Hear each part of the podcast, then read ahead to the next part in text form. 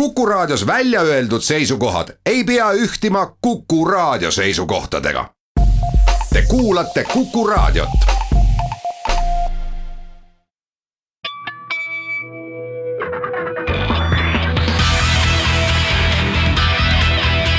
õigus ja õiglus. tere päevast, sel aastal on esimese seitsme kuuga ja mõne päevaga sellest kaheksandast kuust juba poolsada inimest liikluses hukka saanud. ja loomulikult, kui sellised suured arvud hakkavad liikuma, siis hakkab liikuma ka tahe jälle midagi väga kiiresti ette võtta, et, et need arvud enam rohkem ei kasvaks. et sellel teemal arutleda, kas kiirkorras sellised hoogtööna kampaaniad, seaduste muutmised, seaduste karmistamised aitavad siis võidelda liikluskultuuri parandamisega ja vähendada siis ka liikluses hukkunute arvu, selleks olen täna stuudiosse palunud Põhja prefektuuri prefekti Kristjan Jaani ja Maanteeameti liiklusohutuse strateegia loomejuhi Alo Kirsimäe, saatejuht on Janek Luts kui me räägime sellel aastal viiekümnest hukkunust, kas me täna saame juba öelda, mis tüüpi õnnetustega oli tegemist, et kas me üldse saame neid ühe mütsi alla väljaspool seda nii-öelda, et inimene on hukka saanud, korjata? Alo, on teil neid andmeid Maanteeametis täna? andmed on olemas, need ju igapäevaselt tekivad ja kui võtta ette selle poolaasta,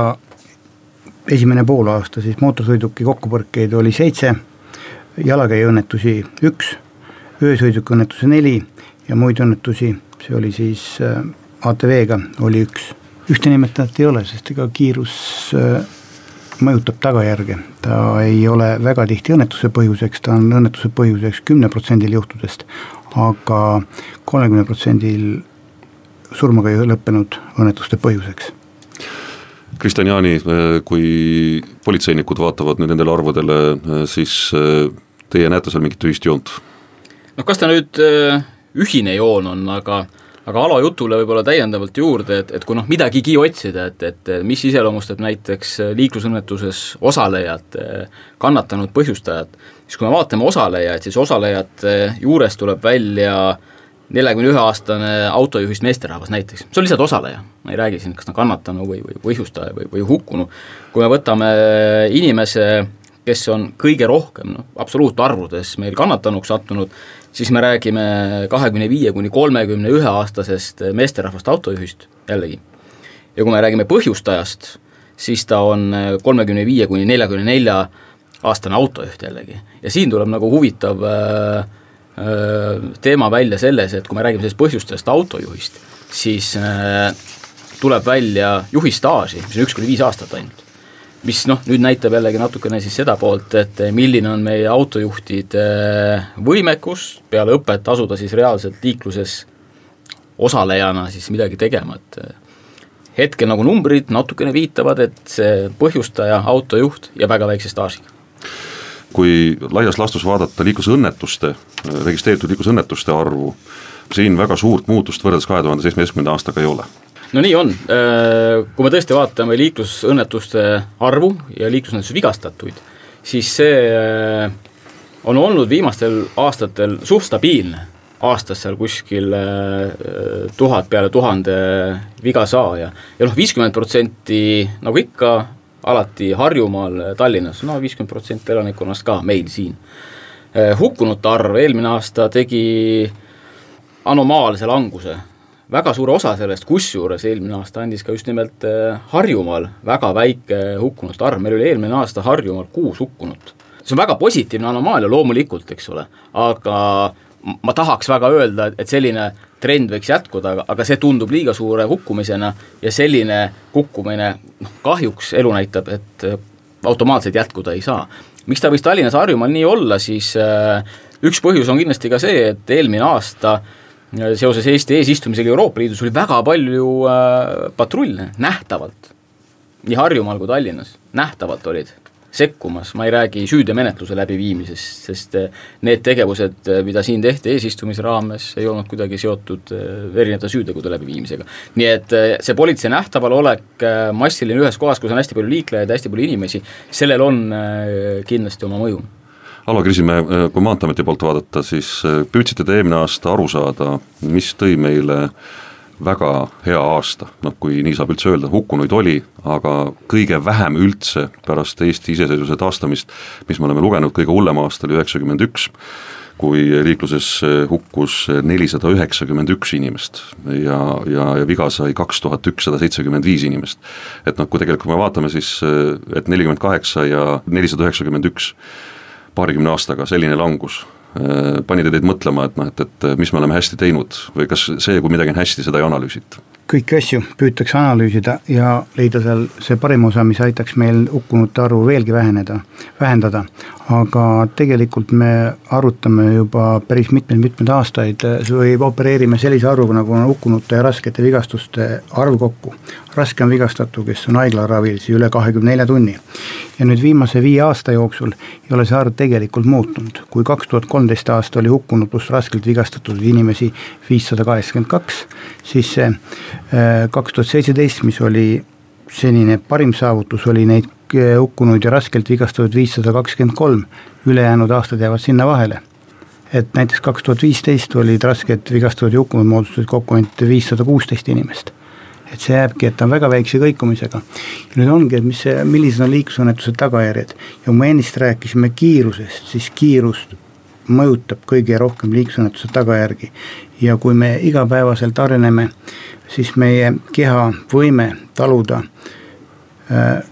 liiklusõnnetuse tagajärjel äh, vabanevat kineetilist e-, energiat, see ei muutu, pigem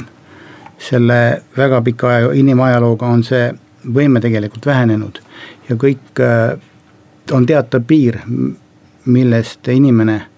või inimene keha enam selle vigastustega toime ei tule lihtsalt selle kineetilise energia, energiaga, mis liiklusõnnetuse tagajärjel vabaneb. ja ongi küsimus, et kes satuvad õnnetustesse, milline on nende tervislik ja vanus, vanuseline seisund ja sellest tulevadki põhjused. sest et kas sa jääd ellu, saades raskelt vigastatud või need vigastused ei ole eluks sobilikud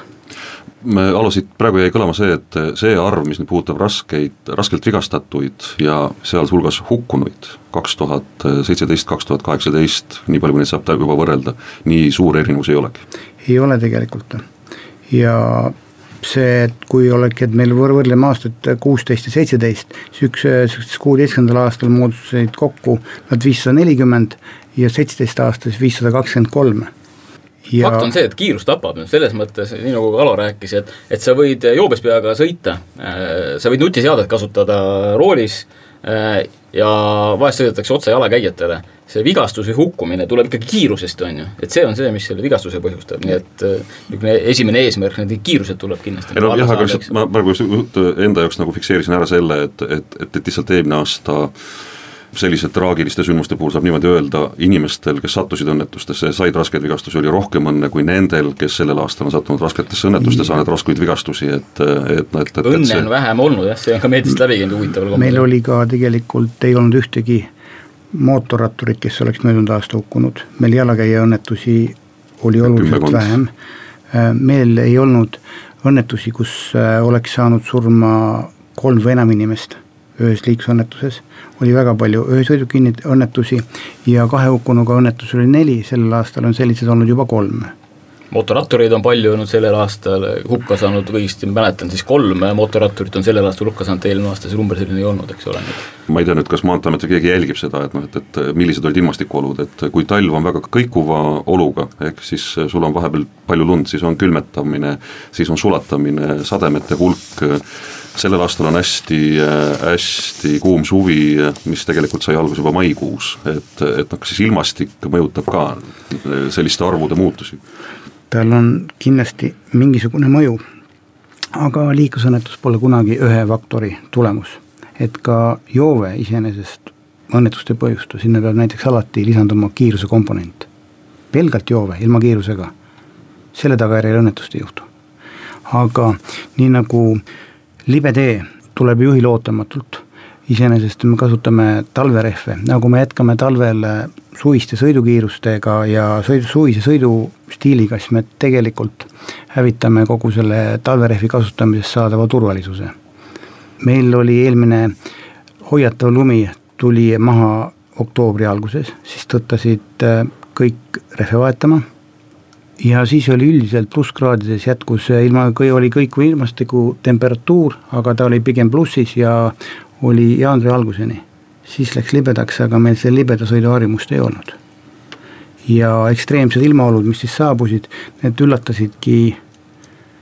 väga paljusid Eesti ja jaanuar oli suhteliselt must kuu liikluses. jah, see oli esimene kuu, kus oli kahekohaline arv hukkunuid ja neid selliseid kuid on see aasta juba kolm olnud, möödunud aasta näiteks ei olnud ühtegi, kus oleks hukkunud kümme inimest. just, ja seda jaanuarit iseloomustab muidugi noh, kõige mustemalt kaks tundi Tartu maanteed äh,, libedad teed ja kaks hukkunut kahe kilomeetri sees. seal on tegelikult äh, libedus oli kindlasti üks soodustav faktor, aga me jõua-, kui analüüsida neid õnnetusi, siis ühel juhul oli tegu vanemaealise juhiga, teisel juhul oli tegu antud sõiduki kategooriat juhtiva noore juhiga, kellel libedasõidu kogemus puudus, mõlem, kumbki sõiduk ei kasutanud tegelikult talverehve, neil ka kohustust ei ole, aga ühel juhul oli kiirus üheksakümmend kilomeetrit tunnis, tähendab, oli libe, aga sõideti suviste sõidukiirustega, teisel juhul oli äh, tugev kiirendamine, mis äh, viis äh, juhitavuse kaotuseni. Kui statistiliselt vaadata, natukene veel nagu ilmestada tõesti, et mis on nagu juhtunud mai ja juunikuuga, siis et kui meil aprillis on äh, alla saja inimkannatanuga liiklusõnnetuse ja kui saabub maikuu, siis on meil sada seitsekümmend kaheksa, sada seitsekümmend kaheksa, kui saabub meil juunikuu, siis on sada kuuskümmend. ehk siis äh, ilusad ilmad äh,, suvised ilmad ja inimesed hakkavad liikluses surma saama ja viga saama, et eh, noh, nagu Alo ütles, et ei ole mitte mingit nagu teaduslikku seletust või uuringut, et kuidas ilmastik mõjutab nagu liiklusõnnetust, kindlasti ta mõjutab, selles pole küsimustki. aga kurb on jah tõdeda, et, et kui on selline noh, klassikalises mõttes meil Eestis ilusad talveilmad ja ilusad suveilmad, siis liikluse poole pealt see tähendab väga kehva liiklemist ei noh, jah, nendest arvude rägastikust, mille taga on kindlasti ka inimlik traagika, äh, aga, aga me räägime täna arvudest, et et kui detsember-november olid suhteliselt lumevabad ja sattus siis esimene selline tõsisem talvekuu äh, kogu heitliku ilmaga jaanuarisse, oleks see sattunud detsembris, siis me oleks võib-olla äh, rääkinud kahjuks suuremast arvust kaks tuhat seitseteist hukkunutest.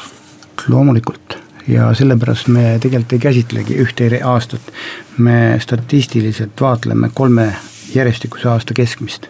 sest et äh, pöördus kaks aastat tagasi, siis esimene, äh, esimene hukkunu oli kahekümne teisel äh, või kahekümne teisel uue aasta minutil ja kaks järgmist olid kolmandal tunnil. et kui see aasta oleks pikem olnud või liiga aasta, siis oleks lõppenud aasta olnud palju suurema hukkunute arvuga. võtame, kasu-, kasutame kolme aasta keskmist, aga kui veel korra tulla tagasi selle kuuma juurde, siis tegelikult palav ilm ise ei tee midagi kuid ta aitab inimese endas peituvad riskid välja tuua ja paljud füsioloogilised äh, protsessid muutuvad ja organism ei talitse tavapäraselt. ja, ja erinevates uuringutes ongi leitud, et kuumalainega suureneb impulsiivne käitumine, narkootikumide ja alkoholi tarvitamine ja, ja esineb ka rohkem vaimse tervise häireid, äh, sealhulgas depressioonist, äh, depressiooni, häiritud meeleolu ja pro-, pro-, probleeme unega ja, ja, ja see impulsiivne käitumine, magamatus ja kurnatus äh, võib omakorda viia siis riskikäitumiseni ja riskikäitumise tagajärjed avalduvadki siis liikluses nende õnnetustena ja samamoodi ka tegelikult võib-olla veeõnnetustena. ka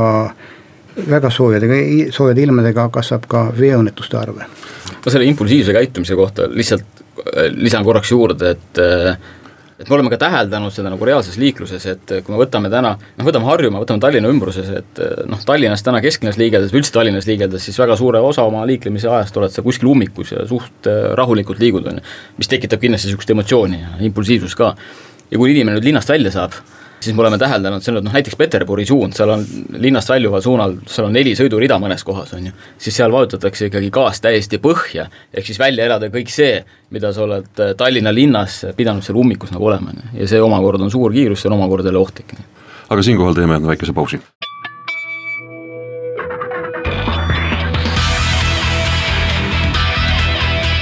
õigus ja õiglus jätkame tänast saadet, räägime liiklusest ja seda kantuna siis sellest, et võrreldes kahe tuhande seitsmeteistkümnenda aastaga on liikluses juba hukkunud rohkem inimesi kui kaks tuhat seitseteist kokku sel aastal ja me selleks oleme palunud stuudiosse Põhja prefektuuri prefekti Kristjan Jaani ja Maanteeameti liiklusohutuse strateegialoome juhi Alo Kirsimäe. Saate esimeses osas jah, karmilt ja kargelt olime sunnitud tõdema, et tegelikult kui reaalselt vaadata raskelt viga saanute arvu ja sealhulgas ka eh, hukka saanud inimeste arvu liikluses, siis tegelikult eh, see üldarv ei ole võrreldes kahe tuhande seitsmeteistkümne aastaga muutunud, aga need, kes on jah hukka saanud, nende arv on siis sedavõrd äh, natukene suurem selles, selles sees. ja kui me vaatame üldse õnnetusjuhtumite arvu, siis äh, et panna seda mingisse konteksti, siis äh, saadet ette valmistades Alo juhtis tähelepanu, et üldse kaks tuhat seitseteist sai õnnetusjuhtumites mitte seotud ainult liiklusega, vaid kõik, olgu ta uppumissurm või või muu riskikäitumine, hukka viissada kuuskümmend viis inimest. nii et noh, tegelikult see kontekst ei olegi võib-olla nii musta värvi Äh, suures pildis, aga inimlikus pildis loomulikult äh, nendele inimestele on see tragöödia. Püüdes nüüd äh, edasi liikuda, seesama põhidilemma, et, et poliitikutel tihti tekib tahtmine, kui arvud kasvavad, siis hakkame midagi karmistama, hakkame midagi tegema teistmoodi et äh, siis vähendada seda äh, hukkunute arvu, mis paistab kõige kiiremini ju kohe ka meedia vahendusel silma. Alo, me, meil oli mingitel lõikudel sada kilomeetrit tunnis äh, suvisel ajal lubatud sõituda, neid lõike enam peaaegu ei ole. on jäänud siis ainult need kaks pluss kaks, kus on siis sada kümme kilomeetrit tunnis lubatud. ja, ja saadet ette valmistades ütlesid, et, et väga selgelt ja siin esimeses osas ka me rääkisime, et seos kiiruse ja õnnetuste vahel on see põhjus, mis tõenäoliselt põhjendas ära selle, miks sadat sealt enam ei lubatud?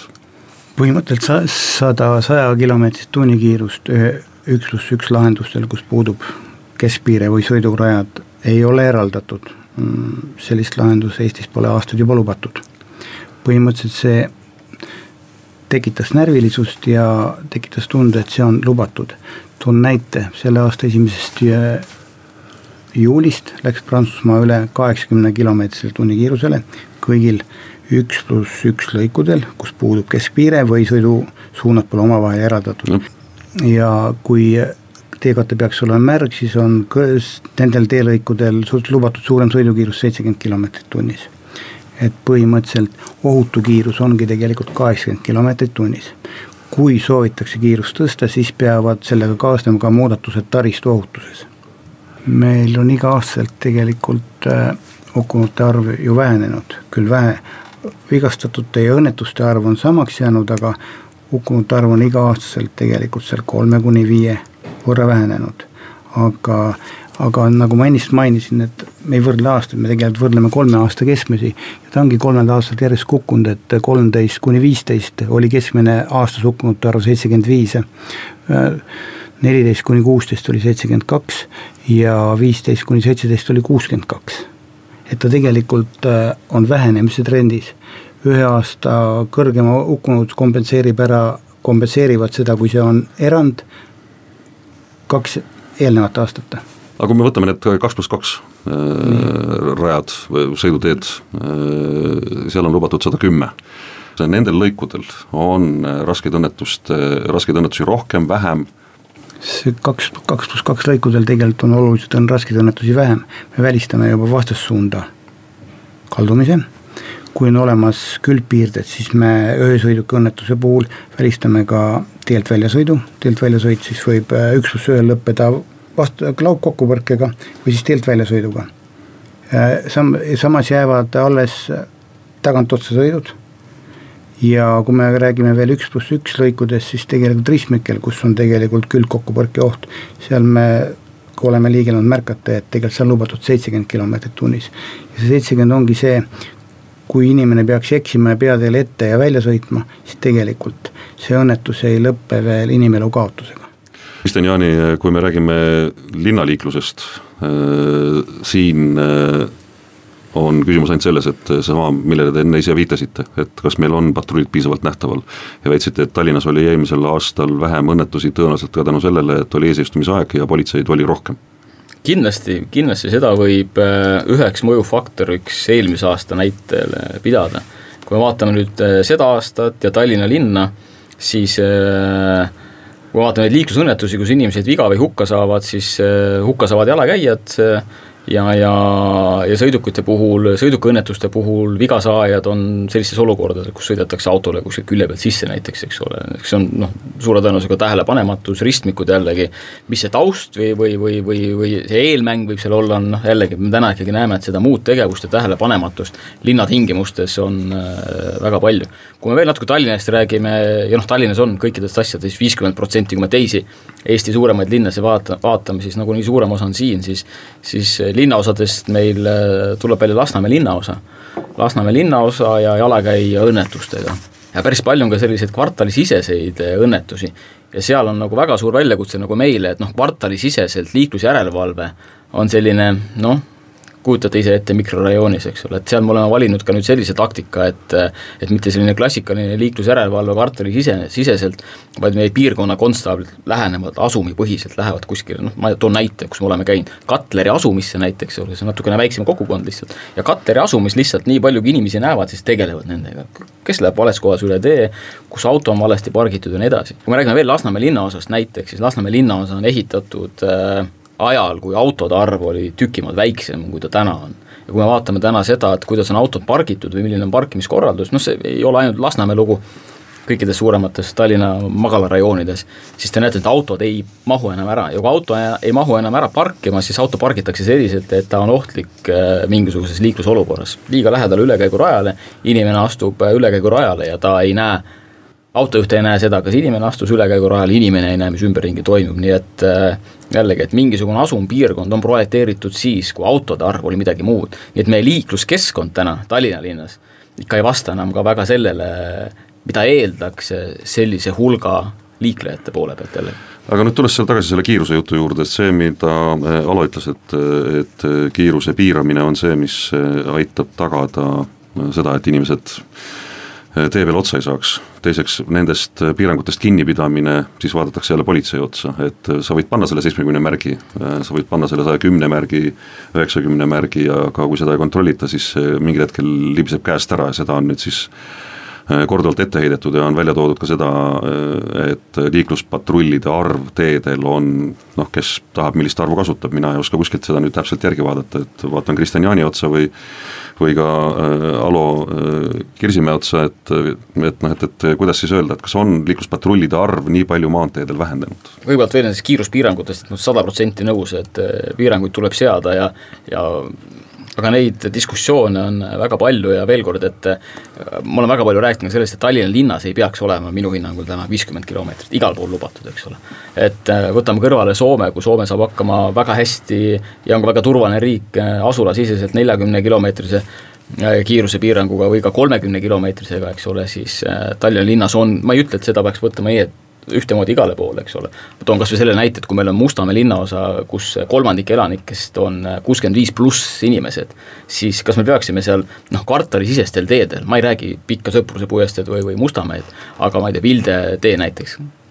seal elab väga palju eakaid inimesi ja kui me vaatame liiklusõnnetuste sattunuid kuuskümmend viis pluss vanuses, siis see vanus kergliiklejatel osas kohe nagu drastiliselt Tallinnas tõuseb, eks ole piirangutest kinnipidamine, äh, absoluutselt, siin on roll ka politseil, pole küsimustki, kui me räägime äh, kas politseinike arv on viimase nelja aasta jooksul Eestis vähenenud, äh, siis viimase nelja aasta jooksul ma nüüd küll ei ütleks, et see oleks nagu mingisugune väga drastiline vähenenud, pikas perioodis, kümne aasta lõikes on loomulikult politseinike arv Eestis vähenenud, jah, on. kui me räägime sellest, mm, noh jälle, ma ei tea, kas see numbrid midagi nagu ütlevad, aga meil on igapäevaselt üle Eesti on seal väljas seal kaheksakümmend, üheksakümmend, sada patrulli iga ajahetk ja kui me vaatame, kui palju neist nüüd äh, puhtalt äh, keskmiselt äh, iga ajahetk tegeleb liiklusjärelevalvega, siis see on keskmiselt tuhat ükssada tundi ööpäevas. tuhat ükssada tundi ööpäevas, sada protsenti on pühendatud liiklusjärelevalvele, see on kuskil nelikümmend seitse politseiametnikku siis nii-öelda. Iga ajahetk, öösel vähem, päeval loomulikult rohkem, puhas liiklusjärelevalve aeg aga meil on ka muud väljakutsed äh, ja muud tegevused, et see patrull ei saa sada protsenti tegeleda liiklusjärelevalvega, siis ka muud väljakutsed tuleb ära teenindada, kui me räägime Harjumaast jällegi, siis Harjumaal näiteks kõikide muude väljakutsete arv on tõusnud jällegi kümme protsenti, nii kuidas meie täna planeerime patrulle, ma räägin, toon jälle näiteks Harjumaad, kui me vaatame täna Harjumaad tervikuna, siis maapiirkonnas on meil, kui me vaatame liiklusõnnetusi, on murekohaks joobesjuhid siis meie sihtsuunislikud tegevused maapiirkonnas on suunatud joobesjuhtide tabamisele, kui me räägime linnapiirkonnas, siis linnapiirkonnas on meil äh,, asulates on meil mureks eelkõige siis Tallinn, on kiirus, kiirus on see, mis äh, tekitab vigastatuid. siis Tallinnasse me teeme oma liiklusalaseid tegevusi puhtalt lähtuvalt äh, kiirusest, kiiruskontrollist. maakondades äh, vähem patrulle, jällegi, meie patrullid on paigutatud sellisena, kus on parajasti see kõige suurem vajadus. puhtalt ohtlikkuse põhimõttel ja seal on ka kõige rohkem patrulle, kui me räägime jällegi Tallinna linnast, siis äh, üheksakümmend protsenti väljakutseid ja muresid, kui võtame Harjumaad tervikuna Tallinnas. ma võtsin üles äh, kümne aasta tagused andmed, ehk siis äh, olid käepärast kaks tuhat seitse aasta liiklusjärelevalve andmed. ja noh, see oli muidugi erakorraline aasta, et toimusid aprillirahutused, aga tegelikult seda liiklusjärelevalve võimekust siis suurendati alates juunikuust ja tegelikult nädalane liiklusjärelevalve maht küündis üle kaheteistkümne tuhande töötunni. ja arvestades, et toona oli tegu politseiametiga, mitte Politsei- ja Piirivalveametnike, kus ametnike arv jäi sinna kolme tuhande kanti, et täna on PPA-s äh, isikkoosseisu pigem sinna viie tuhande alla, siis tegelikult visuaalselt on ta vähenenud tõesti, kui me suurusjärke hakkame võrdlema, et võib-olla üle kahe kuni noh, kaks kolma, kahe kolmandiku võrra. ja kuna elanikkonda ja liiklust on linnades rohkem, siis paratamatult on see patrullid tõenäoliselt koondatud ikkagi sinna, kus on inimesed. kuidas jagada nüüd ära see kaheksakümmend patrulli ööpäeva keskmist, kui meil on tegelikult ligi kuuskümmend tuhat tee ja tänavakilomeetrit? kokku Eestis kui vaadata kaks tuhat seitseteist ja kaks tuhat kaheksateist aastat, ei saa öelda, et veel rõõmustab, aga aga ei kasva, äh, pigem väheneb äh, nende õnnetuste ja ka traagiliselt lõppenud õnnetuste arv, kus äh, väga suur tegur on siis joobesjuht. samas joobesjuhtide, tabatud joobesjuhtide arv ei, ei lange joobesjuhte tabatakse rohkem sellepärast, et me pöörame rohkem tähelepanu joobesjuhtide tabamisele, et äh, me viime lihtsalt äh, kaks tuhat kaheksateist planeeritud tegevused, mis on ette nähtud joobesjuhtide tabamiseks, ongi oma tunnimahult suuremad. Ja paraku on ka nii, et noh, mis ongi see, et no mida rohkem sa tähelepanu pöörad, seda rohkem sa neid joobesjuhte ka, ka kätte saad, õnnetusi nad tõepoolest rohkem toime pole pannud. Ja tahakski öelda, et aga võib-olla sellepärast ei olegi, et me oleme rohkem neid liikluses tabanud. küll on muidugi huvitav ka see paradoks, et noh, uuringud vist ütlevad seda, et enne kui joobesjuht kätte saadakse, siis ta keskmiselt vist kuskil kolm tundi osaleb liikluses, eks ole, et äh, no tegelikult on Justiitsministeerium välja toonud, et äh, Eesti teedel sõidab igapäevaselt tuhat kuni neli tuhat joobesjuhti ja neid tabatakse siis äh, keskmiselt kümme kuni kolmkümmend ehk hinnanguliselt üks kuni kaks protsenti kõigest. maanteeamet on seisukohal, et see arv on tegelikult nii nagu kontroll, puhumised näitavad tegelikult kuue tuhande piiris ja enam, ehk sama palju kui terve aasta jooksul suudetakse neid reaalselt tabada. ja kui võrrelda meid Soomega, oleks äh, siis kaks tuhat kaheksa aastal tehti Soomes uu-, Uusimaa läänis, mis hõlmab siis äh, Helsingit ja selle lä lähiümbruste uuring ja et sõiduki juht enne tabamist sõitis kakssada kakskümmend seitse korda ja igal korral siis keskmiselt kolmkümmend kuus kilomeetrit ja selle aja jooksul siis ta läbis enam kui kaheksa tuhat kilomeetrit joobes, kui ta siis reaalselt vahele jäi. et see kontsentratsioon, kes tegelikult eh, joobes sõidavad, on tegelikult ülisuur. siinkohal teeme väikese pausi.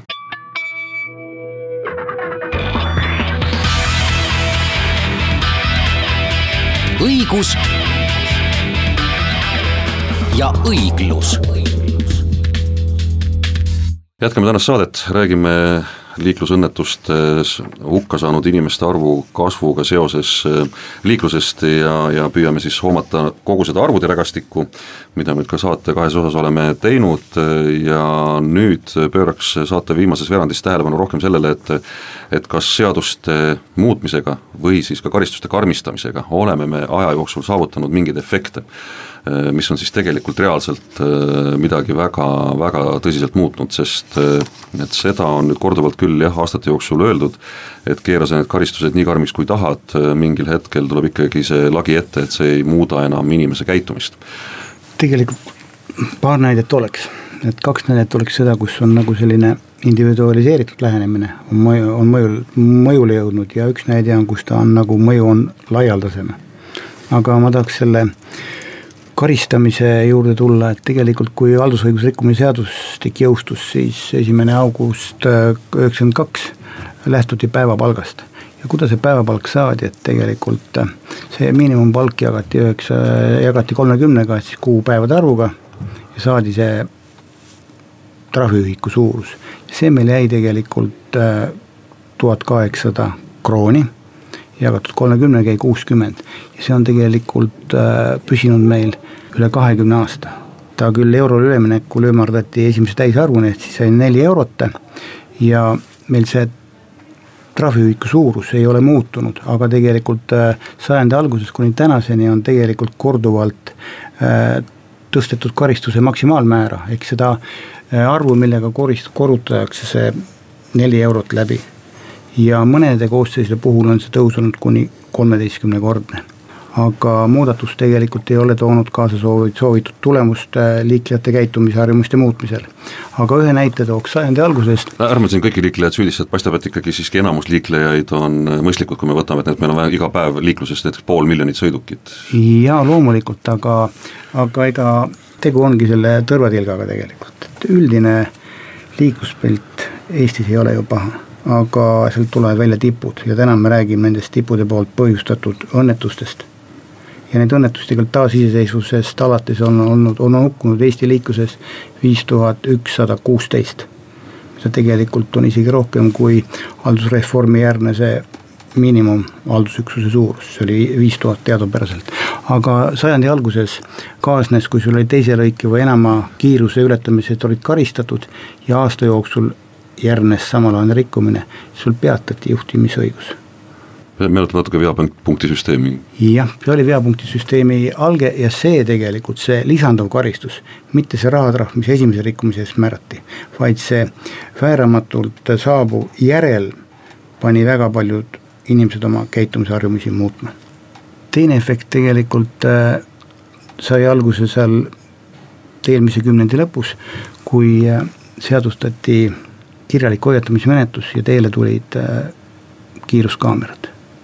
Need on küll nimetatud äh, erinevate nimedega ja seal seda kiiruseületajat kin-, kindlaks ei tehta, et seal on tegu omaniku vastutusega, aga me saime kätte just äh, inglaste poolt tehtud uuringu Eesti kohta. ja esimesed andmed näitavad seda, et nendel kohtadel, kuhu enne, võrreldes enne uuringuga pärast vähenes peale kiiruskaamerate paigaldamist õnnetuste arv nelikümmend viis protsenti ja samasugustest kontrollkohtadest, kus kaamerat ei paigaldatud, tõusis õnnetuste arv kaheksakümmend protsenti, jutt käib inimkannatanutega õnnetustest. samal ajal seal, kus kaamerad ei paigaldatud, oli liiklussageduse kasv kaheksa protsenti ja seal, kus olid kaamerad, seal liiklussageduse tõus oli neliteist protsenti. et iseenesest äh, kaamerad avaldasid seni arvatust oluliselt positiivsemat mõju kui vaadata joobesjuhtide arvu ja vaadata seda, et eh, joobes juhtimise eest on karistusi karmistatud, eh, muutust justkui ei ole ju eh, jah, aga, aga siin võib-olla tooks selle individuaalse näite, et et alle kahe tuhande viieteistkümnendal aastal tegelikult nähti väärteomenetlusseaduses ette võimalus saada, saata see alkoholi tarvitanud juht sotsiaalprogrammi. me ei ole suutnud veel seda mõju hinnata, sest see periood on lühike olnud, alla kolme aasta, aga alates sellest ajast esimest korda ei kirjutata välja ainult seda retsepti rahatrahvi näol, vaid tegelikult püütakse inimest aidata ja tal teadvustada tema probleemi ja kuidas on sellest võimalik üle saada, jätta eel, eelnevad teemad selja taha. See on jah, sa räägid projektist Koju ja. tõenäoliselt, eks ole, et mida paar aastat tagasi piloteeris meil kõigepealt Lõuna-Eesti politsei ehk siis Lõuna prefektuur,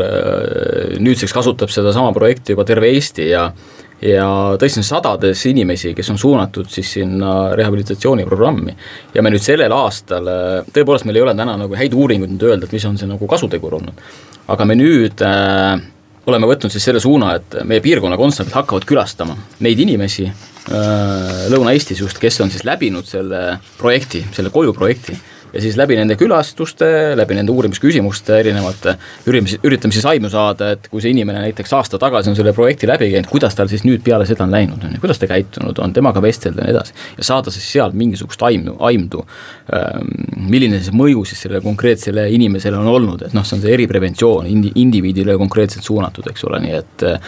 väga paljud on sealt edukalt äh, läbi tulnud ja kui ta sealt edukalt läbi tuleb, siis tõepoolest karistusregistris seda märget ei ole, ehk siis sa nagu statistiliselt ei näegi seda, aga see ei tähenda, et temaga ei ole tegeletud. Need on kõik muidugi jällegi asjad, kõik need väga head ettepanekud ja, ja mõtted, mis puudutavad õigusloomet ja nii edasi, karistuste suurust, suurendamist, vähendamist, noh, nende mõju on selline pikaajaline jällegi, et et täna, kui nüüd vaadata, mis täna nüüd suvel ja praegu on toimumas, siis on vaja teha midagi, mis on, ta on küll lühiajalise mõjuga, aga me saame teha nüüd ja kohe, eks ole, noh, ja see on, siin on nagu see PPA roll, eks ole, et tõesti kogu tähelepanu liiklusjärelevalves, kiiruse mõõtmisele, teha seda rohkem nähtavalt teiste taktikaga. et noh, tänane politseipiirkonna eesmärk on eel, eelkõige see, nüüd ja kohe saavutada küll lühikene mõju, aga kõik need muud ettepanekud, need on, need on väga teretulnud, need on väga huvitavad, tingimisi väärteokaristused näiteks, mis on äh, ka läbi käinud, noh see tingimisi väärteokaristus tähendab seda, et ma määran sulle näiteks kiiruse ületamise eest noh, ma ei tea, kuussada eurot trahvi näiteks, äh, aga see pööratakse täitmisele järgmise rikkumisega. järgmise rikkumisega, näiteks, eks ole, noh, nagu mõttekoht lihtsalt. kohalike omavalitsuste õigus äh, panna kiiruskaameraid üles näiteks, diskussiooni koht, väga huvitav. Nende mõju on väga pikaajaline, et kui me räägime, et kas sealt mingi mõju on, siis me peame uuesti teema juurde tagasi tulema võib-olla viie aasta pärast. tänane kiiruskaamerate diskussioon ka selles osas, et kas see punktipõhine antud hetkel kiiruse ületamise tuvastamine või siis keskmise kiiruse tuvastamine, eks ole, täpselt samamoodi, väga positiivne, minu arust ka väga õige jah, aga meil on ka üks äh, selline kehvem, äh, kehvemapoolne näide, et meil on seadusega keelatud äh, roolis telefoniga, noh, mitte telefoniga rääkida, vaid telefoni kõrva ääres hoida ja siis sellega midagi teha seal. et kui sa kasutad siis käed vaba süsteemi, ei keela sul keegi telefoniga ka autos roolis olles rääkida. see on kindlasti väljakutse meile juba täna, mitte ainult nagu tulevikus ja ja eks neid raskete tagajärgedega õnnetusi on ju selliseid olnud küll kus me võime täna öelda, et see põhjus oli just nimelt see, et see inimene tegeles äh, kõrvalise tegevusega, no ütleme konkreetselt, tegeles telefoniga rääkimisega või siis äh, nutiseadmes surfamisega. Äh, seda järelevalvet saab teha küll, tehnika meil on väga hea olemas, kaugelt filmida, pildistada ja nii edasi, eks ole, nii et järelevalve poolt tagajärgedega tegelemine, seda taha, teha saab, kui on juhtunud õnnetus ja siis tagantjärgi seda tuvastada, see on ikka paras pähkel meie jaoks. jääb kõlama, et tuleb rohkem teha siis kampaaniaid või? Tegelikult küsimus ei olegi kampaanias. jah, aga vaadates liikluspilti, siis äh, näib, et ega sattusin eile lugema Austraaliast, austraallast äh, viimaseid uudiseid liiklusohutuse valdkonnast, nendel on diskussioon, et nutiseadmed äh, konfiskeerida autojuhtidel, kui ta on vahele jäänud sõidu ajal siis nutiseadme kasutamisega. noh, meil on ka seaduses olemas valasasja hoiule võtmine näiteks ühiskonnas tekitaks väga head diskussiooni see, kui, äh, kui väärteo toimepanemise vahend äh, politsei poolt hoiule võtta hoopis näiteks mingiks ajaks, nii et. Täna on meil nii, et äh, kampaaniaga me tegelikult see inimese käitumist ei muuda, nii nagu ühepäevase koolitusega me ei saa vanemaja, vanemaealist juhti ümber õpetada sellest, nendes harjumustes, mida ta on aastaid ja aastaid lihvinud ja kasutanud. See ei ole võimalik. aga tegelikult hoiakute muutmisel on, on kolm taset, see on teadvustamine, räägitakse, see on ohtlik teine omaksvõtt, inimesed usuvad, et see, et see on tegelikult ohtlik, aga hakkavad enda jaoks ratsioli-, ratsionaliseerima. mul on paremad rehvid, mul autol on väga palju seal äh, juhiabiseadmeid, ma olen väga kogenud juht. ja alles siis, kui see toimub isiklik omaksvõtt ja ta saab aru, et see on temale isiklikult ohtlik, toimub muudatus. kui sa oled selle nutiseadme näpi-, näppimise tõttu avariisse, avarii põhjustanud, tõenäoliselt sa muudad oma käitumist meil on üle kolmekümne protsendi täiskasvanud äh, jalgratturitest kasutab kiivrit. see ei ole seadusest tulev kohustus, ta aga saab aru, kui ta kukub, siis tema pea on kõige kallim vara ja ta hoiab seda. aga ta saab aru, et see on temale ohtlik. et äh, kampaania annab sellest aimu, aga tegelikult inimese käitumine peab muutu, muutuma aga kokkuvõtteks, mis sellest saatest nüüd täna kõlama jäi, on see, et kui vaadata kaks tuhat seitseteist ja kaks tuhat kaheksateist andmeid selle pilguga, et ülirasked õnnetused ja rasked vigastused koos hukkunute arvuga, siis siin kaks tuhat seitseteist, kaks tuhat kaheksateist kahjuks erinevust ei ole, et lihtsalt kaks tuhat kaheksateist on selle arvu sees hukkunuid rohkem, aga, aga raskeid vigastusi oli, oli möödunud aastal, äh, kui neid proportsionaalselt vaadata, sama palju aga meil õnnetusi on olnud tegelikult sada nelikümmend rohkem kui möödunud aastal, samal perioodil. ta on samas suurusjärgus, kui tegelikult oli kaks tuhat kuusteist, et äh, seal on tasapinnas, aga, aga see tagajärg lihtsalt on olnud raskem kui möödunud aasta. kas kiirust on rohkem, on, on inimese, on olnud seal või on mingi muu põhjus, mis on äh, viinud selle surmaga lõppeva õnnetuseni, sest me seda vahet ei tee, et, et kui palju inimesi tegelikult jääb ratastooli, eks, et see on õhkõrn vahe. ja sellepärast peabki riik hoolitsema, et see kiirus jääks piiridesse, kui ka õnnetus juhtub, et see ei tooks kaasa siis kellegi hukkumist või raskelt viga, vigastada saamist mis viib mind teise punkti juurde, et kõlamajäiga siis põhimõtteliselt võib öelda nii äh, Kristjan Jaani kui äh, Alo Kirsimäe poolt see, et Eestis peaks üle vaatama nii linnad kui linnavälised teed, et kas kõikides nendes kohtades täna kehtivad piir, piirkiirused on piisavad või tuleks neid langetada? Liikluskeskkond tervikuna, et liiklusohutust mõjutab järelevalve kuskil kakskümmend protsenti, õigusloome, õppe, liikluskeskkond, taristu, et äh, need kõik peavad nagu koosmõjus lõpuks tagama selle, et liiklus oleks ohutu. aga see, et meil on valdavalt igal pool kas üheksakümmend või sada kümme lubatud ja asulates viiskümmend, mina ütlen, et see on vale, et ei pea olema, et meil on kindlasti piirkondi, kus võiks olla kiiruspiirang kolmkümmend või nelikümmend, loomulikult nüüd oleneb sellest kas autojuht sellest kinni peab ja milline on järelevalve selle asja juures. järelevalve osas jällegi tükimad rohkem erinevaid tehnoloogiaid kasutusele võtta, asulates tehnoloogiate kasutusele, kasutusele võtmine, kiiruskaamerate kasutusele võtmine, ristmike kaameratega, kaamerad, mis asulas mitte ainult ei mõõda kiirust, vaid äh, valgusfoorid, keelavad foorituled, see on see, mida peaks nagu tükimad rohkem kasutusele võtma. Ja kas ma teen teile liiga, kui ma ütlen, et vähemalt tänaste saatekülaliste arvates eh, see, et keerata karistusi karmimaks ei aitaks, aga kui karistused oleksid, eh, kuidas sa, Alo, ütlesidki, individuaalsemad või? ja individualiseeritud, seda jõuaks selle sihtgrupile paremini kohale, sihtgrupp ei ole suur, et Kristjan oskab öelda, et tegelikult see hulk inimesi, kellega tege-, tegeletakse või kes patustavad, et see, see ei ole ju nii kui me räägime karistuste karmistamisest, siis eh, tänane liiklusseadus annab eh, väga suure eh, kaalutluse tegelikult, eks ole. me oleme täna politsei poole pealt olnud, tunnistan, liiga palju hoiatavad, me oleme lootnud, et Eesti rahvast mõjutab viisakalt käitumine, noh need, kes siis ei ole liikluses viisakad, ka nii-öelda ainult noomimine suuliselt ja, ja ilus palve, et ära rohkem nii tee. Selles osas me küll tõmbame tagasi, et tundub, et hoiatamisega ei ole nagu aidanud nii et äh, kui inimene ületab kiirust, siis ta saab selle eest karistada, nii et äh, see on üks meede, mitte ainuke meede, aga see on üks meede kindlasti, mis ka mõjutab liiklejaid. aitäh, Põhja prefektuuri prefekt Kristjan Jaani ja Maanteeameti liiklusohutuse strateegialoome juht Alo Kirsimäe ja soovime kõikidele liiklejatele siis mõistlikku liiklemist ja mida rohkem on neid, kes äh, rikuvad, seda keerulisemaks äh, millegipärast tükitakse tavalist elu tegema ka sellel mõistlikul enamusel. täna paistab, et äh, siiski asjad võib-olla nii hulluks ei lähe ja kõiki vinte ja, ja seadusi ja ja, ja muid asju ei hakata nii massiliselt karmistama,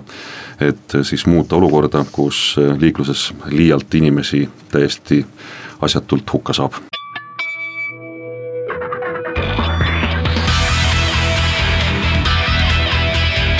Õigus ja õiglus